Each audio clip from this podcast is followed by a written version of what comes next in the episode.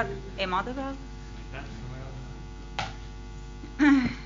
et ma isegi ei mäleta, millal ma viimati jutlustasin, nii et, et Janek rääkis mu pehmeks. nii et just, just. aga kuna täna on emadepäev, siis mina räägin seda teemat, mis on mind kandnud. ma olin äh, just vast kristlaseks saanud ja see on see nägemus või see, mis äh,, mis nagu mind puudutas enne, enne kui ma üldse niisugune teismeline tüdruk olin, enne kui ma Heigoga kohtusin ja üldse, et, et see on, see on nagu see niisugune nägemus, mis, mis mind kannab, mis mind innustab ja, ja ühesõnaga, hakkame kuskilt otsast pihta. võtame, vaatame kõigepealt midagi piiblist. esimese Thessalonika kaks, seitse kuni kaksteist. Kuigi me Kristuse apostlitena oleksime võinud esineda tähtsatena, vaid me oleme saanud leebeks teie seas nagu imetaja ema, kes hellitab oma lapsi. nõnda meie teid ihaldades oleme valmis teile andma mitte ainult ähm, helitas, nõnda meie ihaldades olime valmis teile andma mitte ainult Jumala evangeeliumi, vaid ka oma hinged, sest te olite meile armsaks saanud. Te mäletate ju, vennad, meie tööd, vaeva, ööd ja päevad me tegime tööd selleks, et mitte kedagi teie seast koormata ja kuulutasime teie seas Jumala evangeeliumi. Teie ja Jumal olete tunnistajad, kui pühasti ja õigesti ja laitmatult me suhtusime teisse usklikusse nagu ka te teate, kuidas me igaüht teie seast otse kui isa oma lapsi õhutasime ja julgustasime teid manitsedes elama nõnda, kuidas kohus on Jumala ees, kes teid kutsub oma riiki ja ausse. Ja lähme siit seitseteist ja kakskümmend. meie aga vennad, olles pisut lahutatud natukeseks ajaks, küll palge, mitte aga südame poolest, oleme seda suurema himuga püüdnud näha saada teie palet sellepärast oleme tulnud, tahtnud tulla teie juurde, mina, Paulus, küll üks kord ja teinegi kord, aga saatan on meid takistanud. sest kes on meie lootus või rõõm või kiitlemise pärg, kas mitte teiegi, meie issa, kas me, mitte teiegi, meie issanda Jeesuse Kristuse ees tema tulemises, sest teie olete meie au ja rõõm. mis ma siis tahan rääkida? ma tahan rääkida vaimulikest emadest ja vaimulikest isadest ja vaatame veel ühe kirjakoha, teise Korintuse kaksteist, neliteist kuni viisteist. vaata, ma olen nüüd kolmandat korda valmis tulema teie juurde ega tule teile koormaks, sest mina ei otsi teie oma, vaid teid endid, sest lapsed pole kohustatud koguma varandust vanemale, vaid vanemad laastajale.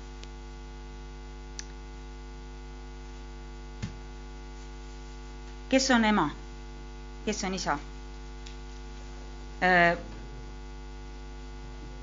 meil on, meil hakkas ehitus praegu peale ja meie juures on kaks ehitusmeest ja, ja rääkisime, et pühapäeval on emadepäev ja ja siis ta ütles, et ma pean ka kõikidele oma emadele helistama. ma küsisin, kuidas kõikidele. mul on äh, bioloogiline ema äh,, mul on see, kes äh, kasuema ja, ja siis on see ema, kes mind üles kasvatas. täpselt samamoodi isaga. aga kes tegelikult on siis tema ema? see, kes teda üles kasvatas. et ja tegelikult vaimulikus maailmas on täpselt samamoodi, et äh, ema, vaimulik isa on see, kes selle lapse üles kasvatab. ja kui sa vaatad nagu, kui sa nüüd mõtled nagu seda, seda maailma siin meie ümber on ju, millised lapsed jõuavad tippu? millised lapsed muudavad maailmas asju? Need, kellel on vanemad, need, kelle vanemad on võtnud vaevaks neid treenida. Need vanemad, kes, kes on andnud oma aja, et olla oma lapse kõrval, leida üles tema isiksus, oma loomus. Need lapsed liigutavad mägesid. miks? sest nad on üles kasvatatud äh, turvaliselt, nad on õppinud läbi kukkuma, nad on õppinud uuesti jalule seadma, nad on õppinud äh,, et kui nad on maas, siis neil on tugi ja nii edasi, nii edasi. et tihtipeale, mida mina olen näinud kristlikus maailmas, me oleme inimesed ja, ja vaimulik ema-isa võrdub inimeste vaimulikuks ema-isa olemust, mitte loomade oma. kui kitse tal sünnib, siis tal on, ma ei tea, mitu minutit aega, et ta peab püsti tõusma ja kohe kõndima. miks? sööd hundid ära. Ma leian, et see ei ole kristlikus maailmas. Äh, ma arvan, et me oleme vaimulikus ka lapsed ja me tohimegi olla lapsed. ja, ja vaimulik beebi tohib olla beebi. see on täitsa fine, kui ta läbi kukub. täiesti okei okay.. me ei tohi pahandada. kui sa pahandad oma aastasega pärast käpuli käib, ei pahanda. tõstad ta püsti, klopid puhtaks, lükkad jälle käima. Et, et täpselt samamoodi on, on vaimulikus maailmas kuidagi, mida ma olen nagu hästi palju näinud, on just nimelt, et, et vaimulik kasv tihtipeale nagu läheb nagu sinna loomariigi poole, et sa pead, no kuidas kristlanas pead tegema, noh, ei, sul on täiesti õigus olla vaimulik beebi, sul on täiesti õigus käpuli käia, sul on täiesti õigus olla armastatud, täiesti õigus uuesti püsti tõusta. Ja see on meie kui vaimulike emade-isade asi seda teha, et, see vaimulik beebi saaks üles ehitatud äh, kuidas siis kasvatada vaimulikku last? et äh, täpselt samamoodi nagu füüsilist last äh,. noh, meie kõige väiksem ilmakodanik on siin Urmasel ja Kristel all praegu. noh, sünnib. See protsess on valus üheksa kuud on omaette protsess. ja siis ta tuleb, tuleb siia ilma. kõik rõõmsad, hurraa mis siis saab? tõstate ukse taha, järgmine pühapäev näeme jälle mis beebiga juhtub? beebi sureb ära. Võimalus beebit üles äratada, vaimselt üles äratada. tegelikult see on tõsi. ta ei tõsta oma vastsündinud beebit ukse taga, taha. meie, me peame olema vaimulikud emad ja isad kes on võimalik ema-isa?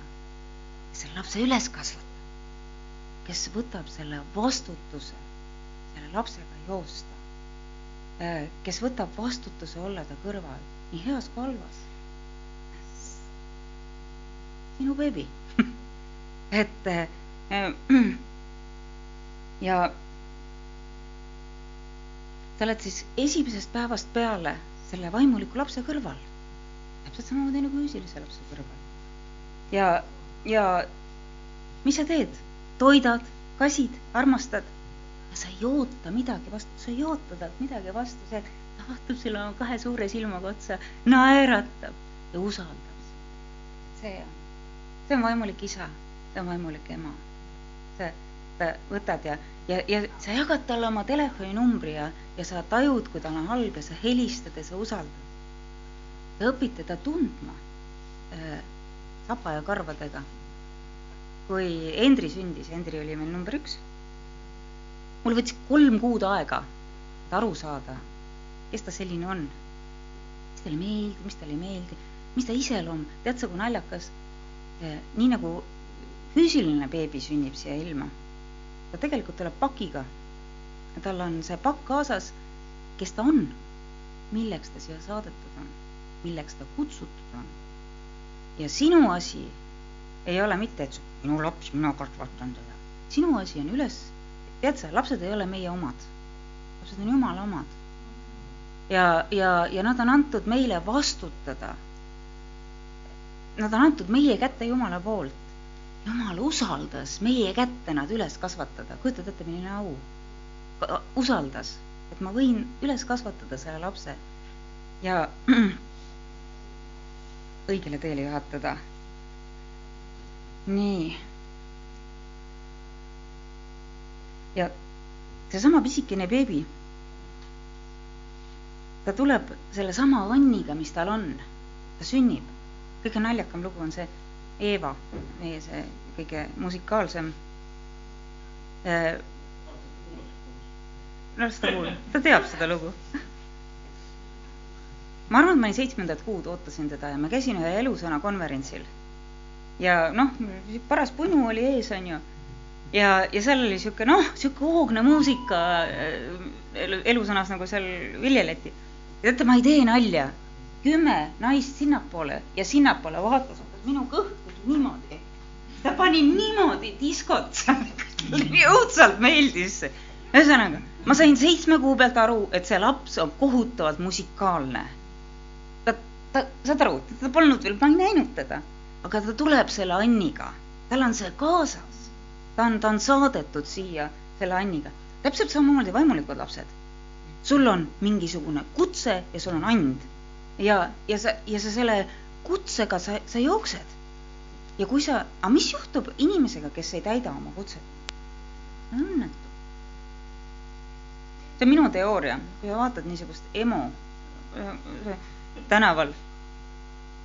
see on minu teooria, ärge võtke, tehke sellest õpetust, aga üldjuhul nad katkised inimesed. Nad on, nende äh, lootused on krusuks pekstud. Nad enam ei suuda saavutada seda, mis, mis nad igatsesid need igatsused, mis nende sees on, need on, need on nagu, need on jumalast ja kui ta inimene ei suuda neid täita või, või see, ta läheb nagu rikki. väga raske on rikkist, rikkis inimest on nagu, on võimalik, aga väga ilma jumala abita rikkis inimest on väga raske korda teha. sellepärast kõige parem on kasvada üles lapsel, kes on ema-isa kõrval kogu aeg. ema-isa kõrval, see ei tähenda seda, et sa nagu vanaema, sa teed kõik ta eest ära. tee sa õpetad teda. täpselt samamoodi vaimulikus, vaimuliku lapsega, et sa õpetad teda, sa, sa lased tal läbi kutsuda, annad talle mingi ülesande, ta teeb seda, kukub läbi, no so what, proovid uuesti. mitte nii, et ah, sa ei oska midagi teha, mine ära, see, oh, ma räägin loo. Ehm, minu ema, vabandust, õnneks ta ei kuula ma olin teismeline, tahtsin kodus süüa teha, ema viskas mu köögist välja, ütles, et lähed mehele, siis õpid jah, ja ma tegelikult ei armasta, aga ma ei armasta süüa teha siiamaani, sest mind ei ole õpetatud. ma pidin ise õppima. Sõna otseses mõttes ma hakkasin ükskord pannkooke tegema, ema tuli poole pealt koju, viskas mu, viskas mu köögist välja ja tegi selle taina ise lõpuni. sõna otseses mõttes viskas mu köögist välja. see ei ole okei okay. see sa õpetad oma last, sa näitad talle ette, kuidas, kuidas teha. noh, ma ei tea, a la, no hea näide, lähed lastekirikusse, sa tunned, et see lapsel on, ta oskab lastega tegeleda.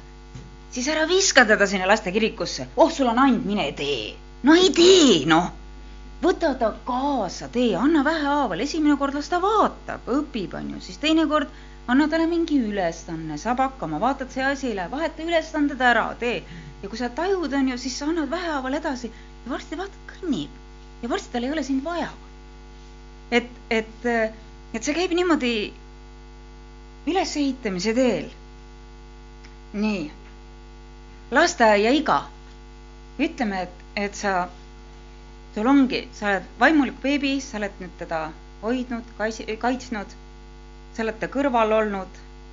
sa õpid teda tundma, sa tead, kes ta on mis ta, kes ta ei ole, sama käib ka tavalise beebi kohta, hakkab kasvama ja sa lased tal olla tema ise. et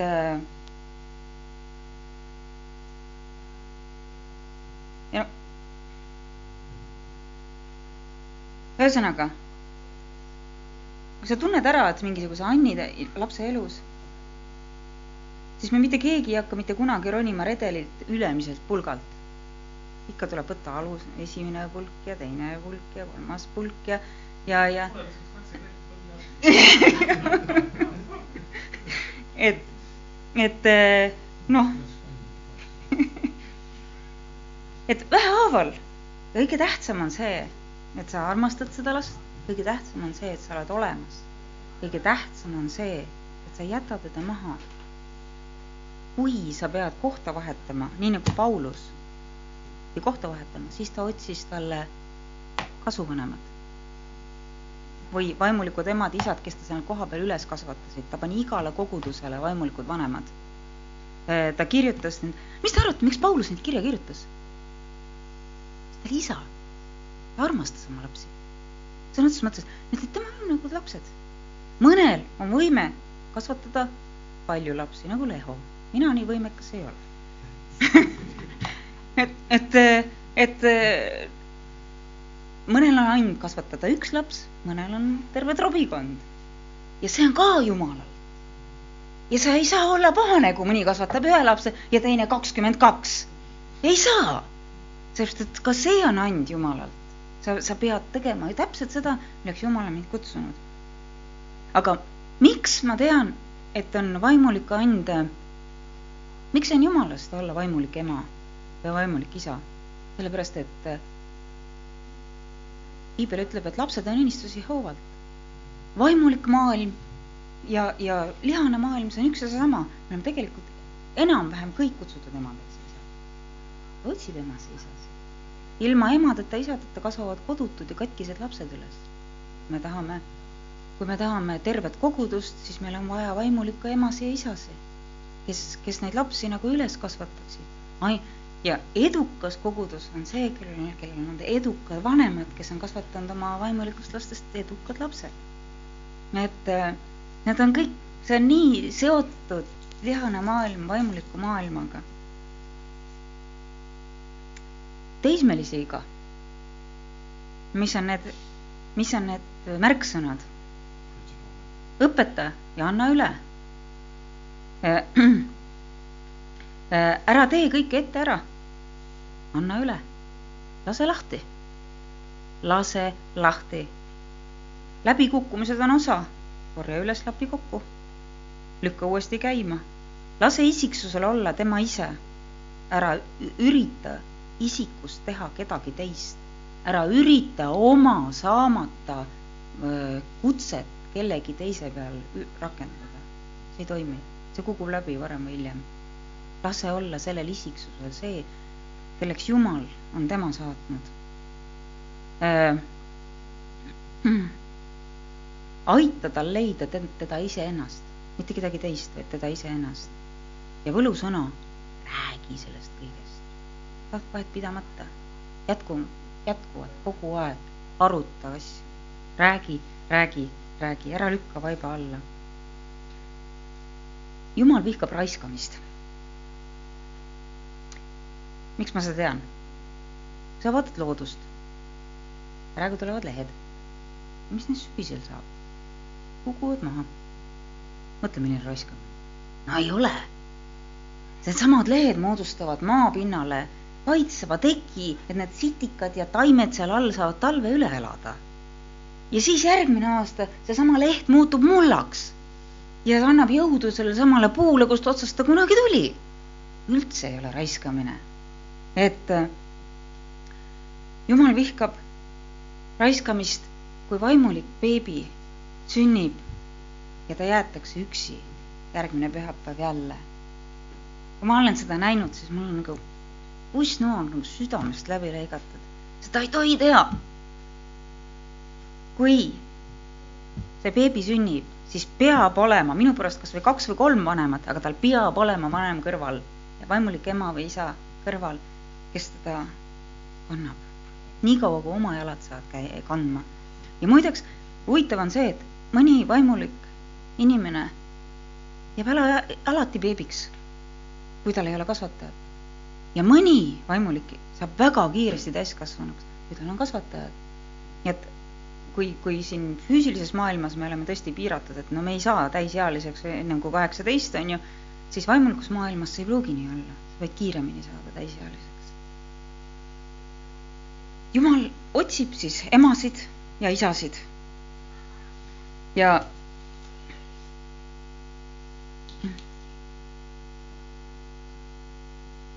nii.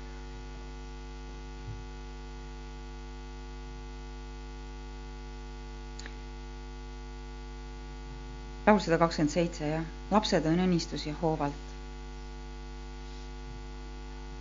sa jääd vaimulikuks emaks ja isaks ka siis, kui see laps on sul pesast välja lennanud. sa oled ikka tema vaimulik ema. sa oled ikka tema vaimulik isa. noh, Hendri ja Hannes on meil kodust ära. ma olen ikka tema ema ja isa. Tulevad vaatama nii edasi. ja vaimulikega on samamoodi. mis sa sellega teed, kui sa kasvatad üles ühe vaimuliku lapse? sa kogud päevasele pangakontole oma, see on see, mida, milleks Jumal on meid kutsunud. Äh, kui me vaatame esimese Moosese raamatut, esimest peatükki, äh, kakskümmend kaheksa salm ja Jumal õnnistas neid ja ütles neile, olge viljakad ja teid saagu palju, täitke maa ja alistage see enesele ja valitsege kalade üle meres, lindude üle taeva all ja kõigi loomade üle, kes maa peal liiguvad. täpselt samamoodi, see võrdub, olge viljakad ja teid saaga palju. ja kvaliteet, mitte kvantiteet. et õnnelikud inimesed, õnnelikud vaimsed inimesed.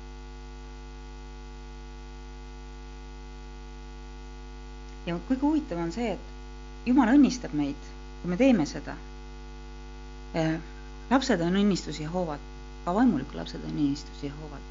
ja kui sa teed midagi, mis, mis, milleks Jumal on sind nagu kutsunud tegema, siis Jumal õnnistab ka sind.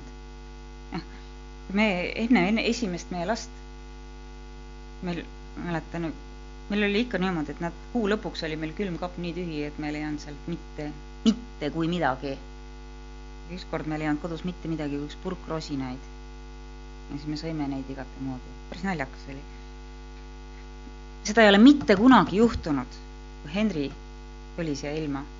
mitte kunagi enam, meil pole kunagi külmkapp tühi olnud. miks? sest Jumal õnnistab. kui Jumal annab lapse, siis ta annab sulle selleks ka varustuse, ta teeb sind õnnelikuks. nii et kui sa hakkad tegema seda, mida Jumal on sind kutsunud tegema, siis ta õnnistab sind. Just. jah, ja see on nagu, see on see minu sõnum, et kui me oleme vaimulikud emad ja isad, siis head vaimulikud emad ja isad, siis ka see kogudus kasvab plahvatuslikult vaimulik ema ja isa, see on niivõrd tähtis, niivõrd tähtis kutse ja mis on tegelikult pandud enamikke meie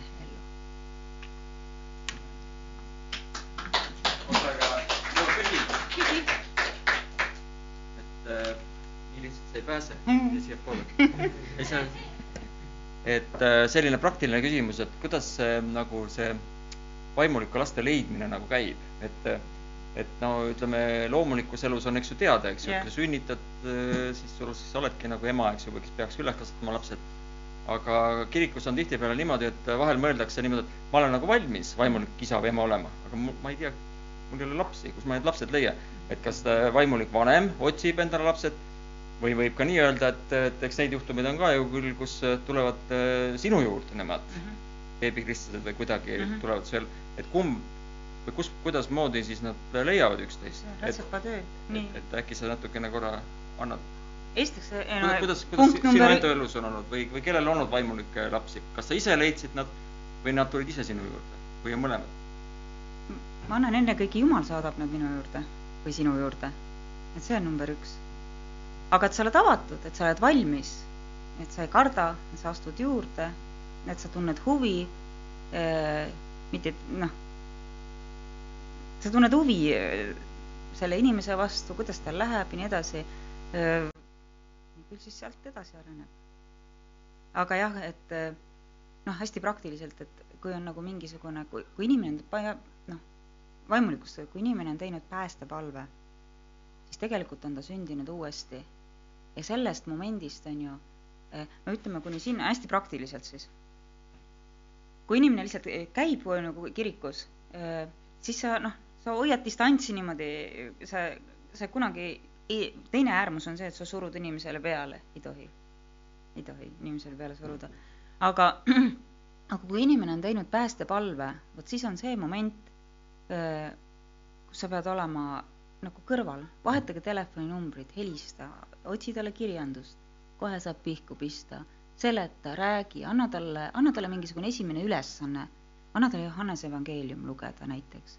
helistage, rääkige, saage kokku, järgmine pühapäev, kui te, noh helistage ka vahepeal, on ju, järgmine pühapäev, kui te tuled, kuule, et kas sa ikka tuled, sest eriti esimesel pühapäeval või järgmisel kokkusaamisel, kurat on eriti vihane just selle, sest ta üritab kõik teha, kurat teeb ületunde, et see ära saada, et järgmine kord teda kirikusse mitte saada.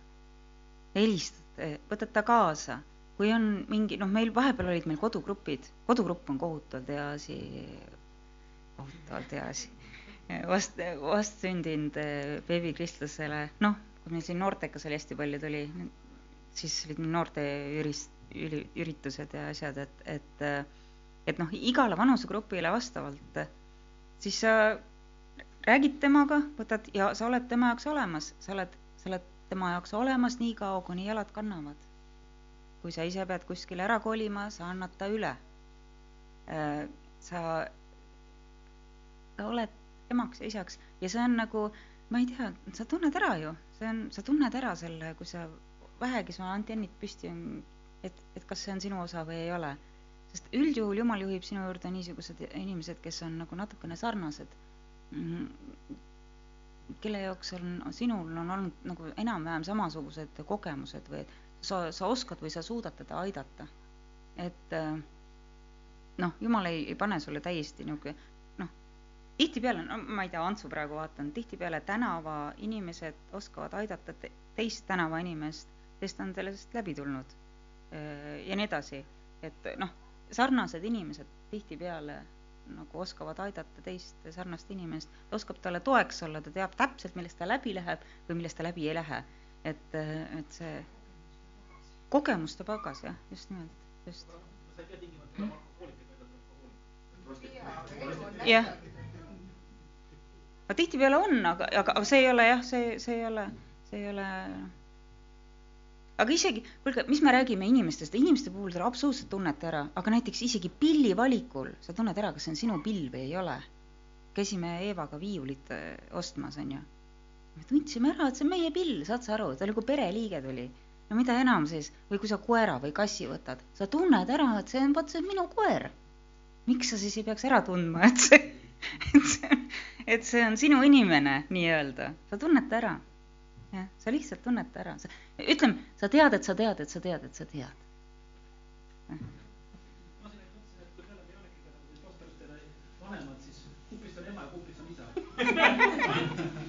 kumba vanaema, vaimulikud vanaemad on ka olulised.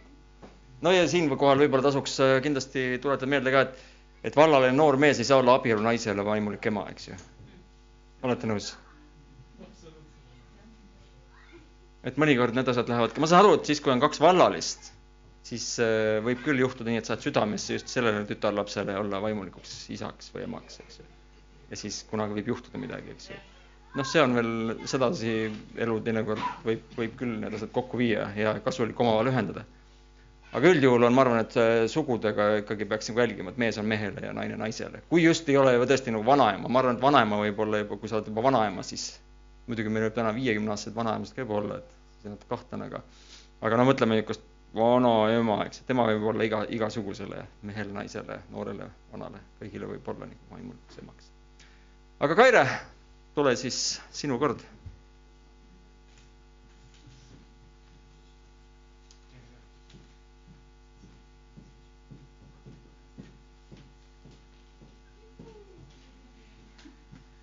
täna on see eriline päev, kus te saate kaks sõna, sõna jagamist. Ja aitäh, see oli väga-väga hea ja hoopis teistsugune kui see, mis mina räägin, hästi huvitav ja hea ja kasulik oli kuulata. aga mul on praegu teile üks palve, tõuske palun üles kõik. Ja siis keerake ennast niipidi ja siis niipidi, sest neist tuleb teine jutlus veel. Nii, kes julgeb, see hüppab ka üles ka. Okei. okay aga let's go, mulle öeldi, et ma pean kahekümne minutiga hakkama saama, ma ise kodus ei kontrollinud, nii et ma annan oma parima. jaa, okei okay., aga tutvustan ennast igaks juhuks siis. või teate, tegelikult ähm, ma, ma teen kõigepealt ühe väikse palve nii, kallis taevane isa, aitäh sulle, aitäh, et ma saan sind teenida.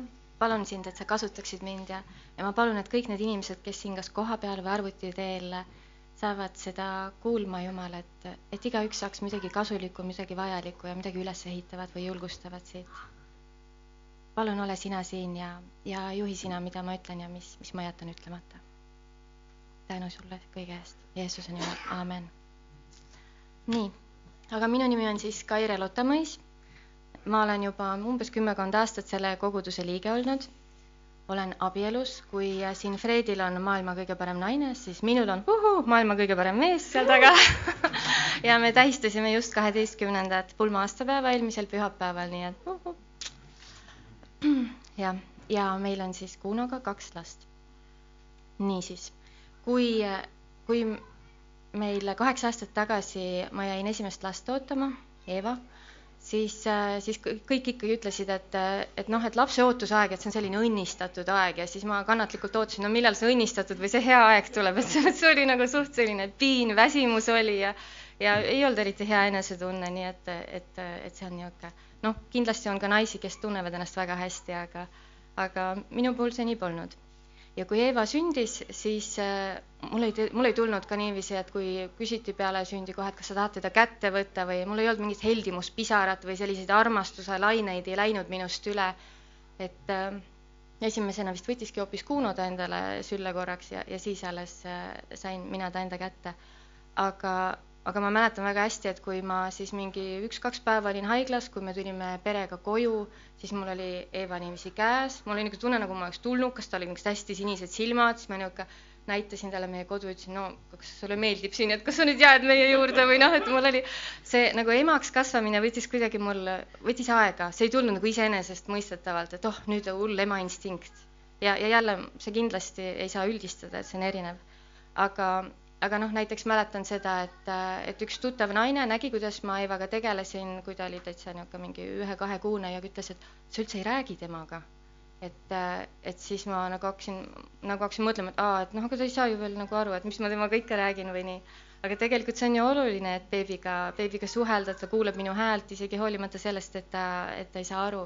või näiteks ma mäletan, et Eeva sündis kaheksandal augustil, siis äh, augustikuus on Janekil sünnipäev ja Janek tegi sünnipäeva, kutsus koguduse endale külla ja siis seal jälle mõni kogenum lapsevanem, et Eeva oli kahenädalane ja ütlevad, et kuule, pane beebile ikka müts pähe, mul ikka noh, et ma nagu ei teadnud mõnikord niisuguseid hästi lihtsaid asju, et, et, et see kõike, kõike pidin õppima ja, ja lugema, teiste käest kuulma, et ega see lapse kasvatamine kerge ei ole.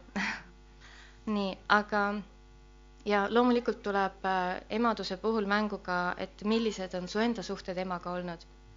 et äh, kui ma emaga mingi aeg tagasi rääkisin, et, äh, et noh, et, et ma nagu võib-olla oma lapsepõlve sellist eufooriliselt väga positiivsena ei mäleta siis ema oli hästi üllatunud, ütles, mis asja, et, et ma ju tegin nii toreda lapsepõlve sulle, et, et me hästi palju reisisime ja ma viisin sind igasugustele kultuuriüritustele ja seal laulupeol, tantsupeol käisime ja balletti käisime vaatamas ja siin Eesti nurgas, seal Eesti nurgas, võib-olla natuke kaugemalgi. et, et ma ju nagu andsin endast nii palju, et ma nagu noh, et tegin oma parima nii-öelda sinu heaks aga, aga mu vanemad olid sellised ehtsad nõukaaja produktid, et, et meie peres sellist nagu kiitmist või tunnustamist üldse ei olnud, see oli ikka täiesti null. ja, ja siis ja, ja kui midagi oli valesti, siis pikka juttu polnud, siis ikka võeti rihm välja lihtsalt, et, et tehti siis niiviisi see asi selgeks nagu. ja ja ma olen see ja mina just oleks võib-olla igatsenud emaga seda, et noh, et suva see kuskile sõit või mingisugune asi, et aga ma oleks tahtnud just seda, et ta võtaks aega või et me saaksime rääkida, et oleks sellised nagu jutuajamised või suhtlemised olnud, et kus, kus me saaksimegi rahulikult ka oma rumalad küsimused saan esitada või midagi sellist. ja no loomulikult ma arvan, et nagu iga lapsevanem, et siis enda laps, laste puhul ma püüan siis nagu teistmoodi teha, et ma püüan äh, enda laste jaoks aega võtta ja suhelda ja, ja rääkida nendega ja, ja samamoodi ka kiita täiesti teadlikult, et püüan neid mustreid nagu muuta. ja, ja samas ma tean, et, et noh, paratamatult mingid asjad ikkagi löövad aeg-ajalt välja, et äh, midagi, mis mulle enda juures ei meeldi. nii et äh, tööd jätkub elu lõpuni vot, aga siis üks koht, kus ma näen, mida, mida lapsevanemad tunnevad ja läbi elavad on, on see selline koht nagu Facebook, minu üks lemmikkohtadest on Facebook ja, ja seal on erinevad grupid loomulikult siis ja, ja on näiteks selline positiivse vanemluse grupp ja rahumeelsete vanemate grupp ja, ja kui ma loen, millega seal inimesed nagu päevas ikka noh, tuleb piisavalt palju neid erinevaid postitusi ja ma loen, millega teised lapsevanemad nagu rinda pistavad. mingis mõttes see natuke tekitab kergendust, et oh, et oh, minu pere või minu lapsed, et nad on täiesti normaalsed lapsed, et mul ei ole erivajadusega lapsi või, või noh, et mingeid otseseid foobiaid või, või, või mingeid väg, vägivallahooge seal lastel et, et kui loen, kuidas seal mõni laps kardab putukaid, mõni kardab tuult, mõni ongi selline hästi sõjakas ja, ja haugub vastu ja lihtsalt ei kuula ja, ja, ja noh, või, või ongi mingi terviseprobleemiga. ja, ja siis hästi tihti need või, või mõni näiteks ema ütleb, et ma kasvatan praktiliselt, ma tunnen ennast üksikemana, et mu mees on kogu aeg tööl ja ma kasvatan üksi oma kolme last, et sellised erinevad nagu elulood on inimestel ja, ja tihti need küsimused seal või nagu murekurtmised lõpevadki nii, et noh, et ma tunnen, et ma olen juba täiesti läbi kukkumas või ma olen üksi või, või noh, et ma juba olen äh, ärritun iga asja peale, et ma ise juba vajan psühholoogi, et, et inimesed noh, tunnevad, et nad on nii katki ja ei saa hakkama nagu iseendaga ja, ja lastega. et äh, noh, tulebki tihti välja see, et äh, vanasti oli võib-olla rohkem seda sotsiaalvõrgustikku, kui mitu põlvkonda elas koos aga, aga nüüd inimesed jäävad, jäävad hätta veidi. ja selles mõttes minu suur-suur respekt kõikidele üksikvanematele, et see on nagu meeletu töö, et me oleme Kunoga kahekesi ja meil on kaks last ja ikkagi asjad mõnikord on nagu tunned täiesti üle pea. aga ma tõesti ei kujuta ette, kuidas saavad hakkama need üksikvanemad ja samas ma võin näiteks tuua enda venna. mul vennal ja tema elukaaslasel, neil on kuus last ja see naine teeb megakarjääri, kodu on alati korras, ma nagu mõtlen, et kui tema saab nii hästi hakkama, et täitsa lõpp, et siis on nagu endal piinlik kurta nagu üldse. aga ma usun, et ongi nagu siin ka Eve tõi välja, et mõnel on üks laps, mõnel on kakskümmend kaks last, et äh, sulle on erinevalt antud ja jumal teab, jumal teab kuidas sellest läbi tulla. aga mida siis jah, piiblis öeldakse, et, et lapsed on õnnistuseks ja jälle äh, Eve sedasama kirja kohta kasutas ka, et äh, see on siis psalmides, lauludes sada kakskümmend seitse kolm. vaata, lapsed on päris osa issandalt, ihusugu on tasu temalt. ja õpetussõnades äh, seitseteist kuus, lapselapsed on vanade kroon ja laste uhkuseks on nende vanemad. piiblist mul, ma mõtlesin, et alguses, kui ma mõtlesin, mida ma üldse räägin emadepäeval, siis otsisin ja nagu sõelusin enda peas läbi, et erinevaid emafiguure, kes piiblis olid. aga, aga kuidagi näiteks nägin hästi korraliku eeltöö tegin ära juba Moosese emaga, aga, aga kuidagi südamesse tuli natuke teistmoodi see tänane sõnum jagada ja ja seepärast ma lühidalt ainult kommenteerin, et mingid sellised eredamad emakujud, kes, kes piiblis näiteks mulle on rohkem meelde jäänud. et äh, esimeses Saamoli raamatus esimeses peatükis seal on selline naine nagu Hanna. ta oli abielus Elkanaga, mehega Elkana, kelle nimi oli Elkana, ja sellel mehel oli teine naine veel ja sellel Hannal ei olnud lapsi. ja, ja see teine naine väga aasis ja ta noh, põhimõtteliselt alandas seda Hannat ja Hanna elas seda väga üle, ta süda oli hästi murtud ja kui ühel pühal mindi templisse, siis, siis ta oli nii, nii meeleheitel, et ta palvetas seal ja ta palvetas, noh, kirjeldatakse nii, et ilma sõnadeta, et ta suu liikus ja see preester, kes seal oli, preester Eeli, siis tema tuli ja noomis, et kuule, miks sa tuled siia joobnuna, et äh, mine sa kaineks, et ära tule sellisel kujul siia ja, ja see naine kurtis talle, ütles, et noh, et mul on nii suur valu hinges, et ma lihtsalt olen suures meelekibeduses ja siis eh, ilma, et see preester oleks teadnud, mille pärast ta palvetas, ta ütles, et, et, et Jumal vastab sulle, andis talle tõotuse. ja see naine sai lapse, aga lihtsalt kui palju aastaid ta oli kannatanud ja seda valu, valu enda sees kandnud. et, et juudi kultuuris on ka see, et kui sul last ei ole, et siis see on selline halb, halb märk, seda peetakse seal noh, ma ei tea, kas nüüd just otseselt needuse märgiks aga, aga noh, need naised, kellel ei olnud lapsi, siis nende tulevik võis olla niiviisi, et noh, nad praktiliselt pidid kerjama jääma või, või minema siin kuskile sugulaste juurde sinna noh, nii-öelda nende ülalpidamisse, sest et lapsed olid need, kes hoidsid sind üleval. teine lugu ongi Moosese emast. et kui Mooses sündis, ta sündis väga raskel ja keerulisel ajal, sest et Egiptuses oli uus kuningas kes äh, nägi, et heebrealastel läheb väga hästi, neid äh, on väga palju, kuigi neile antakse sellist rasket ja, ja musta tööd seal, lihtsalt tööd teha, aga neid on juba rohkem kui kohalikke elanikke, kui egiptlasi. Ja ämmaemandatele anti käsk, et nad, äh, kui on sünnituse juures, et nad poisslapsed tapaksid ära, ämmaemandad ei kuulanud sõna. Ja siis kuningas ütles juba otse, et, et need lapsed, poisslapsed on vaja ära tappa, et kas, kas nagu egiptlased või Egiptuse sõdurid, et, et kes iganes peale satub, kus heebrealastel on laps, poeglaps, et neil on õigus ta siis Niilusesse vette visata ära, et need lapsed peavad noh, ära hukkama, ära tapma. ja, ja mingis mõttes see ema ju kuulas sõna, et ta nagu viis oma lapse jõkke, aga ta viis ta laekaga, ta tegelikult äh, nagu andis talle nii-öelda eluvõimaluse. Ta niikaua, kui ta sai, kaks-kolm kuud hoidis last enda juures, aga kui laps muutus väga häälekaks, siis ta viis ta selle, seal on öeldud sõnaga laegas, see laegas on ühes kohas veel mainitud, et see, mida Noa kasutas, et see, seal kasutatakse sama algkeelset sõna, et selles mõttes noh, ühesõnaga okei okay,, see on eraldi teema. Nii, aga aga ja, ja ma enne ei teadnud, mis on Moosese ema, aga kui ma nüüd uurisin, siis Moosese ema nimi on Jookebed ja tema siis kui ta lapse Moosese sinna vette pani, siis ta, tema tütar jooksis äh, siis seal kaldal ja, ja ühesõnaga see laps, ma arvan, enamus teavad ikkagi seda lugu, et see laps pääses, ta jõudis Vaarao tütre juurde, kes parajasti läks ujuma ja see laps oli ilus ja see Vaarao tütar sai aru, et see on Heebrea laps, aga ta ikkagi lapsendas ta ja see ema sai selle lapse veel korra tagasi, ta sai olla tema amm, sai teda imetada ja siis äh, pa-, paari, paar aastat veel enda lähedal hoida ja, ja siis ta andis ta ära. aga see laps jäi ellu, et ta, see naine usaldas Jumalat ja, ja lapsega läks kõik hästi. ja kolmas lugu, kolmas näide on teine kuningate neli. seal on selline lugu, kus äh, prohvet äh, Elisa käis mööda maad ringi ja ta ja ükskord või noh, kui ta käis läbi sellisest piirkonnast nagu Suunemi, Suunemi linnast, siis seal oli üks jõukas naine kes, ähm, kes nägi, et seal käib prohvet ja ta ütles oma mehele, kuule, teeme talle ühe sellise väikse majakese, et kui ta siit mööda tuleb, tal kuskil, ta saab päikese eest varju minna, saab korraks leiba süüa, vett juua, saab natuke puhata, sellise lavatsi teeme. ja, ja prohvet Elisa oli väga tänulik, kui ta seal käis oma teenriga, siis ta puhkaski seal ja, ja siis ta noh, hindas väga, kuidas see naine suhtus temasse ja, ja ta küsis oma, küsis sellelt naiselt ka, et mida ma saan sinu heaks teha. naine ütles ei, ei, mul on kõik hästi, et minu, mulle pole midagi vaja teha, ma olen oma rahva keskel. ja, ja siis see prohvet küsis oma teenrilt ja teener siis ütles talle, kuule, sellele naisele, kuigi ta on jõukas ja tal, aga tal on eakas mees ja, ja tal ei ole lapsi.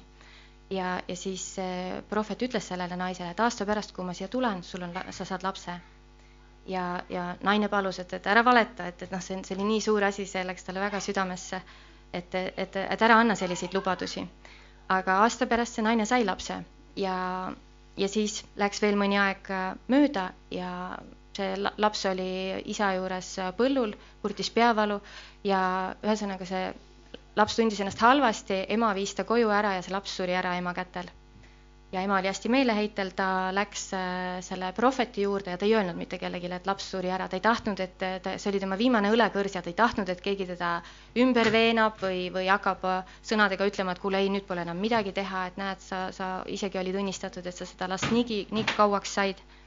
ja seal äh, tema mees küsis, miks sa, et miks sa lähed, kas midagi on pahasti, ta ütles, kõik on hästi, siis äh, kui ta jõudis prohveti juurde, prohveti teener tuli talle vastu, küsis, kas midagi on pahasti, ta ütles ei, kõik on hästi. ja siis, kui ta jõudis prohveti juurde, siis ta kukkus sinna põlvili maha ja ütles, et kuule, et sa andsid, äh, sa andsid mulle lapse, aga see laps on surnud, et, et ma vajan sinu abi. Ja prohvet ütles, ma saadan oma teenri, aga see naine ei andnud järgi, ema süda ei andnud jälle järgi, ta ütles ei, ma tahan, et sina tuled ja, ja siis äh, see prohvet tuli lapse juurde, ta palvetas tema eest ja see laps ärkas ellu.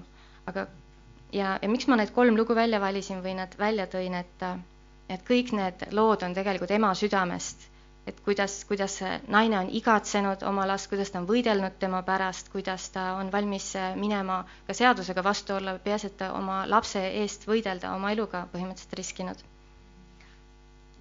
ja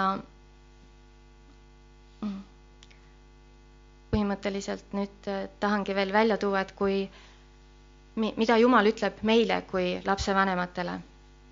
kui, kui Jumal andis kümme käsku, siis äh, kolm esimest käsku on, äh, on Jumalaga seotud ja neljas käsk, see, mis on, siis puudutab meie maist elu või meie inimeste vahelisi suhteid, siis see esimene ehk siis neljas käsk ongi, et sina pead oma isa ja ema austama, et sinu käsi hästi käiks ja sina kaua elaksid maa peal. et see on tegelikult Jumala jaoks nii oluline, et ta toob selle nende kümne käsu seas kohe välja. ja ma räägiksin siia juurde ka veel ühe väikse näite sellesama kümne käsu kohta, mida ma olen ka varem siin rääkinud, kuigi ma olen ka nii ainult paar korda siin ees olnud, aga näete, juba kordan näiteid. et äh, kunagi ma õppisin Tallinna Majanduskoolis turundust ja seal oli äh, siis äh, üks aine oli, kus me pidime PowerPointi või noh, niisugust arvuti kasutamise oskust tegema. ja seal oli selline vanem proua, ta suitsetas, oli selline hästi käreda olemisega ja niisugune noh, nagu äkiline veidike ja, ja siis ta nagu, kui ta õpetas meid, kuidas siis, siis ta nagu kasutas mingit sellist mudelit nagu, et noh, et arvutikasutaja kümme käsku või midagi sellist, siis ma ja siis me, meile anti kõikidele, et noh, et eksamiks pead siis tegema oma mingisuguse PowerPointi. Ja siis ma mõtlesin, no väga hea, et noh, et aga ma ei hakka väga originaalitsema, et ma teen siis äh, nagu piibli kümme käsku nii-öelda, et teen sellest selle PowerPointi. ja kui ma ütlesin teema talle, siis ma nägin, et see väga häiris teda, ta, ta talle üldse see ei meeldinud, siis ma sain aru, okei okay,, et noh, nüüd ma, eks ole, tegin iseenda elu nüüd raskeks, on ju, et ta on suht selline usuvaenulik nähtavasti. ja, ja kui minu kord oli siis seal klassiruumis oma presentatsioon esitada, seda mm, noh, näidata neid kümmet käsku siis tutvustada ja näidata, mis imevidinaid ma siis oskan seal arvutis kasutada selle presentatsiooni käigus. ja siis ma just äh, kogesin hästi reaalselt seda, et kui ma jõudsin selle neljanda käsuni, et ma ütlesin, lugesin selle ette ja rääkisin sinna selle tutvustuse juurde ja ma nägin, kuidas see õppejõud ise hästi muutus, ta muutus hästi vaikseks, jäi mõttesse ja ma kogesin, et tal endal on nähtavasti oma lastega võib-olla halvad suhted ja, ja ta võib-olla tunneb just puudust sellest, et tema lapsed suhtuksid temasse austusega. ma noh, ma ei tea, kuidas tegelikult on või reaalselt, aga ma lihtsalt nägin, et see väga puudutas teda ja, ja see muutis tema suhtumist ka minusse hästi palju. ja ma tahaks väga loota, et, et see, kui ta kuulis nagu Jumala sõna, et, et see tegi ka midagi tema sees. ja ja loen teile veel ühe väikse loo see on nüüd, äh, see ei ole piiblist, aga see, ma leidsin internetist seda mitu korda olen näinud ja minu arust see on omamoodi selline armas lugu, et kuidas Jumal lõi naise. kui Jumal lõi naise, töötas ta kuuendal päeval veel hilja. ingel tuli ja küsis, miks sa talle nii palju aega kulutad? Jumal vastas, kas sa oled näi-, näinud kõiki neid, äh, see on kehv tõlge, spetsifikatsioone, kõiki neid erilisi äh, asju, mida ma tema kujundamiseks pean tegema. ta peab funktsioneerima igasugustes olukordades, ta peab suutma korraga omaks võtta, korraga hakkama saama mitme lapsega, omama kallistust, mis ravib kõike, alates kriimustatud põlvest kuni murtud südameni. ta peab seda kõike tegema ainult kahe käega, ta peab suutma ka iseennast ravida, kui ta on haige ja samal ajal töötama võib-olla isegi kuni kaheksateist tundi päevas see avaldas inglile muljet, ainult kaks kätt, võimatu ja see on tavamudel. ingel tuli lähemale ja puudutas naist. aga sa oled ta teinud nii pehmeks, issand. ta on pehme, ütles Jumal, aga ma olen ta tugevaks teinud, sa ei kujuta ette, mida ta suudab taluda ja millest üle saada. nüüd tuleb natuke imelik küsimus, kas ta oskab mõelda, küsis ingel, Jumal vastas ta ei oska mitte ainult mõelda, ta oskab ka veenda ja põhjendada ja läbi rääkida ingel puudutas tema põski. issand, tundub, et see looming, et sul looming lekib. kas sa oled talle liiga palju koormust peale pannud? ta ei leki, see on pisar, parandas Jumal inglit. milleks see on, küsis ingel. Jumal ütles, pisarad on tema viis väljendada oma armastust, leina, kahtlusi, üksindust, kannatusi ja uhkust. see avaldas inglile suurt muljet. Issand, sa oled geenius, sa oled mõelnud kõigele. see naine on tõepoolest imeline Jumal ütles, tõepoolest ta on, tal on tugevust, mis hämmastab meest, ta saab hädas hakkama ja võib kanda rasket koormat. ta hoiab endas õnne, armastust ja rõõmu. ta naerab, kui tal on tegelikult tunne, et ta tahaks karjuda. ta laulab, kui ta tunneb, et ta tahaks nutta. nutab, kui ta on õnnelik ja naerab siis, kui ta kardab. ta võitleb selle eest, millesse ta usub. tema armastus on tingimusteta tema süda on murtud, kui keegi lähikondlane või sõber sureb, kuid ta leiab jõudu, et eluga edasi minna ingel küsis, nii et ta on täiuslik olend. jumal vastas, ei, tal on siiski ka üks puudus. ta unustab sageli, mida ta väärt on. selline väike lugu. ja,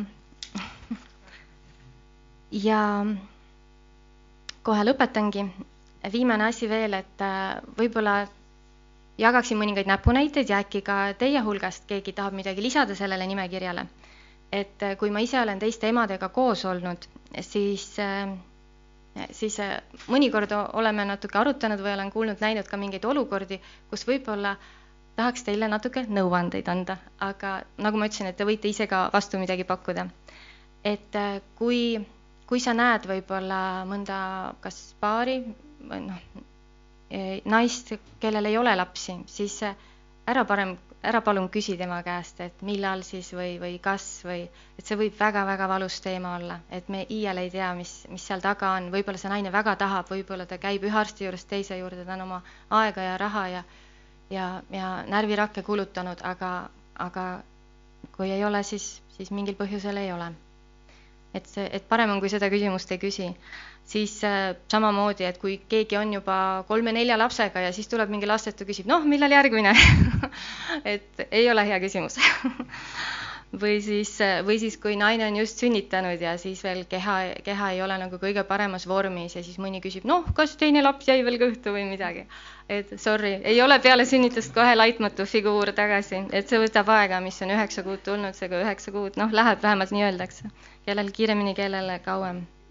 Ja teine asi, et kui viimane siis selline minu poolt äh, punkt, et, et kui sa näed näiteks poes, et kuskil laps jonnib või, või noh, keegi on oma lapsega hädas, et hästi lihtne on nagu mööda minna, mühatada, niiviisi silmi pööritada, aga tegelikult see on nii oluline, kui sa lähed ligi ja, ja küsid, et äkki ma saan aidata. võib-olla sa ei saagi mitte kuidagi aidata, võib-olla sa ise ka ei tea, mis selle jonniva lapsega teha, aga tegelikult see annab sellele emale juba, juba natukenegi jõudu, ta näeb, et keegi, keegi näeb, et ta on hädas, et tal on raske ja, ja et keegi märkab teda ja, ja noh, elab talle kaasa, et juba see on hästi-hästi suur asi tema jaoks. aga no kui sa veel tead kuidagi, mida, mida teha, et siis see on ka hea. Et selles mõttes kiitke palun kindlasti rohkem emasid, et, et eks seda kriitikat ikka tuleb. Uksest ja aknast, me eestlased oleme helded selle koha pealt. Vot. ja, ja kõige viimane asi, mis ma tahtsin öelda, on, et, et nägin just äh, ühte küsitlust taaskord Facebookis. Ja, ja seal oli, et äh, siis, et mis on parim kink emadepäevaks ja seal siis ma eeldan, et need olid kõik emad, kes vastasid. Ja ma siis huvi pärast lugesin, et mida need emad siis tahavad kingituseks. Ja valdav enamus nendest ütlesid, et, et nad tegelikult tahavadki oma lapsi näha, nad tahavad oma lähedastega koos olla see oli, no ma ütleksin, teen täitsa sellist lampi statistikat praegu, noh, võib-olla viiest neli olid niiviisi, kes ütlesid, et ma tahangi, tahangi oma lähedastega koos olla. no ja siis see võib-olla viies oli siis selline, et noh, et ma tahan minna ilusalongi või natuke ennast seal poputada või, või midagi head või kuskile minna või midagi toredat teha. Aga tegelikult, et kuigi eelnev jutt oli, et küll see emadus on ikka üks raske asi ja, ja laste kasvatamine, et samas need lapsed on ka väga-väga kallid emadele ja, ja mis iganes seis kellelgi emaga on, eks meil igalühel on oma emapilt, siis äh,, siis jälle üks äh, näide, mis ma lugesin äh, ühest psühholoogilisest raamatust, oli, et äh, üks, üks naine tuli ka nõustaja juurde ja ütles, et et noh, ma ei suuda oma emale andestada, et ta oli minu arust nii kehv ema. Ja, ja siis see psühholoog ka püüdis teda lepitada ja ütles, et, et, et kui su ema sünnitas sinu, siis iga ema esimene, number üks ülesanne on hoida oma last elus. ja ta on seda teinud, aga noh, ta tegi seda nii hästi või halvasti, kui ta oskas, kui ta suutis, kui tal teadmisi oli. et kindlasti meie emad ei ole täiuslikud, aga anname neile and-, neile andeks nende vead ja puudused. see oligi minu poolt kõik. aitäh teile!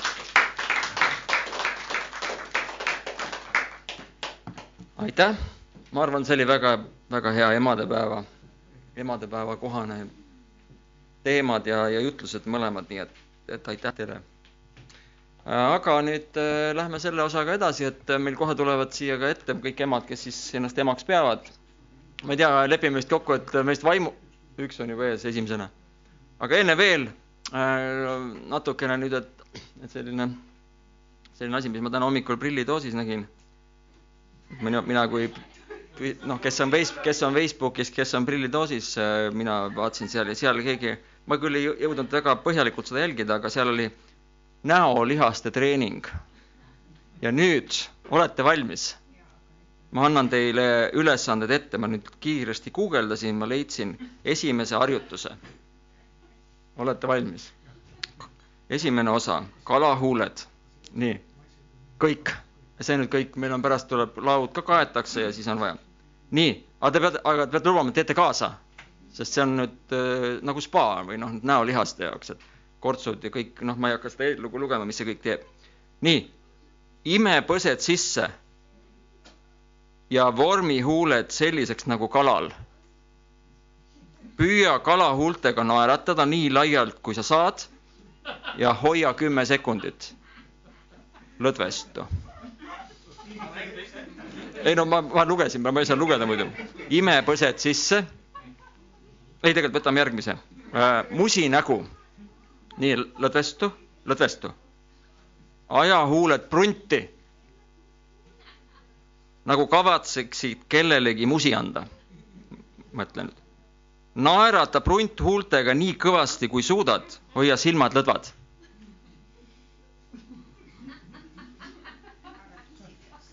Kissita silmad nagu lõdvad. säilita asendit kümme sekundit. lõdvestu ja nii edasi. siin on, siin on veel, siin on teine osa ja siin on kordaja. aga see on selline väga hea spa teile siin pühapäeva hommikuks. nii, aga äh, enne kui emad tulevad, äkki me paneme selle karbiringi käima ja siis me õnnitleme emasid, Heigo tuleb ja. kus see asi ära kadus? kes eksis? paneme selle kirja. tegelikult on siin. kus see sünnipäevalaps siia eksis meile? nii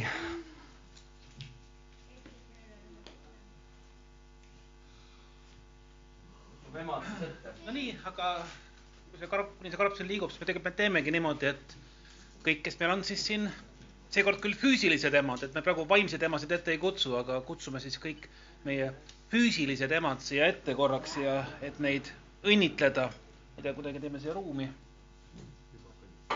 ja nüüd te võite tulla.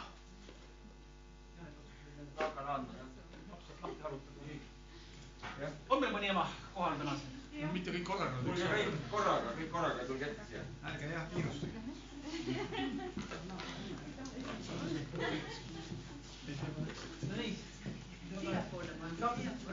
Leho, istu maha.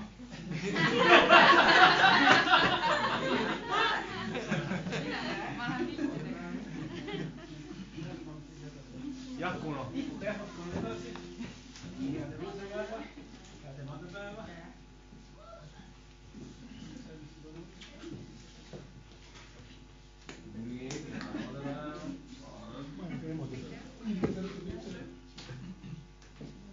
ja minge sinnapoole. äkki sa läheb korraks, jah. nii, ma teen mingi ühispilt ja. nii, aga miks meie teeme, on nüüd see, et me paletame kõikide meie emade pärast ja õnnistame neid. nii et äh, kui sa tahad, võid sirutada oma käed enda poole või, või kuidas sulle meeldib seda, aga meie praegu tõesti, issand, me üheskoos õnnistame kõiki meie koguduse emasid, neid, kes on täna siin kohal või ka neid, kes, kes vaatavad seda praegu ülekande kaudu. Ja me palume, et, et see emadepäev oleks endale tõesti eriline, et nad tunneksid ennast hinnatuna, austatuna, armastatuna ja me tõesti õnnistame neid, et oma ema rollist nad suudaksid teha seda, mida sina oled kutsunud neid tegema. me täname sind selle eest Jeesuse nimel. amin.